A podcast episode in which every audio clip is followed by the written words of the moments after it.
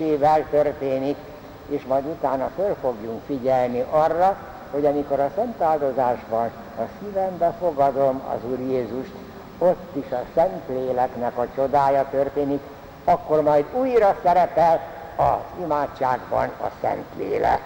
Tehát nagyon-nagyon lényeges rész ez az úgynevezett epiklézis, hát ez mondjuk különféle szövegekkel szerepel, a legegyszerűbb az. Valóban szent vagy Istenünk, kérünk tehát, szenteld meg áldozati adományunkat szent lelked által, hogy legyen ez számunkra, ami Urunknak, Jézus Krisztusnak teste és vére. Itt most azért meg kell jegyeznünk, hogy ez az utolsó vacsora megemlékezése, megünneplése, pedig az utolsó vacsorán ez nem szerepelt. Semmi nyoma nincsen, de nem is lehetett, vagy nem is kellett. Miért? Hát ott volt az Úr Jézus, hát az Úr Jézus lelke a Szentlélek, tehát ott hogy az ő saját lelkével produkálta azt, hogy ez az én testem. Tehát az utolsó vacsorán ennek nem kellett szerepelnie, világos, de kell nekünk minden egyes Szent Misébe a Szentlélek hívás, hogy a Szentlélek tegye lehetővé, hogy az földi káoszból a teremtés rendet teremtsen, és az új teremtés az oltáron megjelenjen, ami megváltó Jézusunk. Nagyon-nagyon sokat jelent, hogyha ezt tudatosítjuk, és hallgassuk meg ezt mindig, ezt most hangosan mondja a pap, a latin szövegben annak idején halkan mondtuk, ének volt alatta, de ez roppant lényeges, roppant sokat jelent mindannyiunk számára. Egy óriási perspektíva tulajdonképpen. Ahogyan a káosz fölött ott lebegett a Szentlélek az első teremtéskor, ahogyan a szűzanyát beárnyékolta a Szentléleknek a hatalma, hogy emberként megszülessen, ami megváltó Jézusunk, ugyanúgy a kereszt, a kenyérben és a borban, hogy a Szent Misén jelenvalóvá váljék a föltámad Krisztus a Szentlélek Úristennek a szerepekkel, és amikor magunkhoz veszük, majd látni fogjuk, ott is a Szentlélek Úristen működik. Na most egy másik eucharisztikus imádságba is hadd olvassam föl, érteni fogjuk. Istenünk, Te a Szentlélek erejével éltetsz és megszentelsz mindent.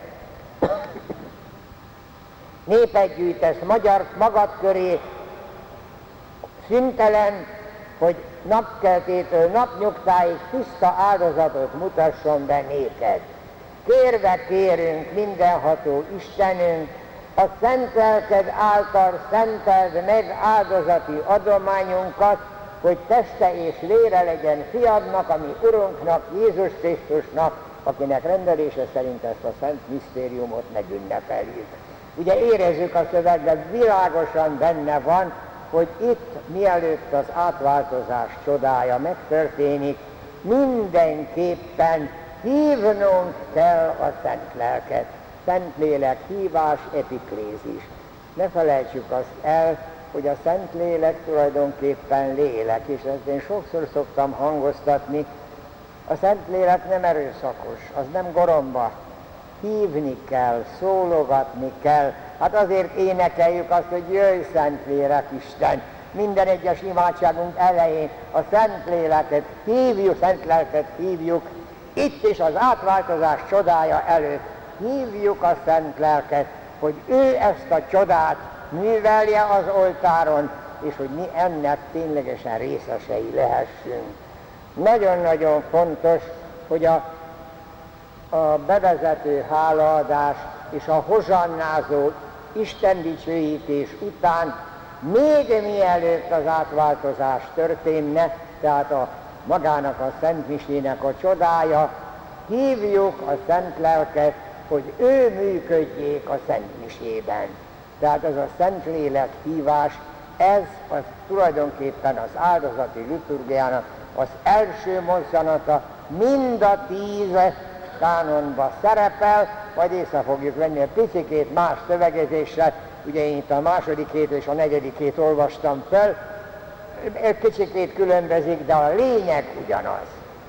a jövő alkalommal aztán tovább fogjuk vinni, mert a Szentlélek hívás után valóban a Szentlélek működik, és akkor történik ugye a Szent Misének az a csodája, hogy a papnak a szavára, ami tulajdonképpen csak elmondja az utolsó vacsorán történteket, de a Szentlélek műveli a csodát, a kenyérből Krisztus teste, a borból Krisztus vére lesz. De erről majd a következő alkalommal beszélgetünk, addig is áldjon meg bennünket a mindenható Isten, az Atya, a Fiú és a Szentlélek.